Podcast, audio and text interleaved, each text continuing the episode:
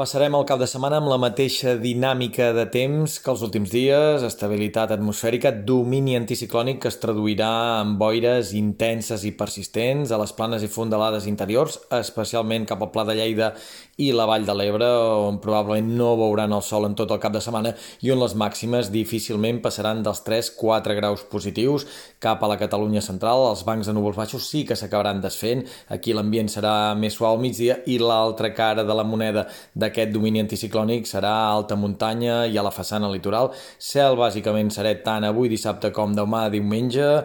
Temperatures avui fredes a primera hora, especialment en punts de la Costa Brava, però ambient relativament agradable al migdia, amb màximes que fàcilment es mouran entre els 11 i els 14 graus. Aquesta situació s'allargarà com a mínim fins dimecres.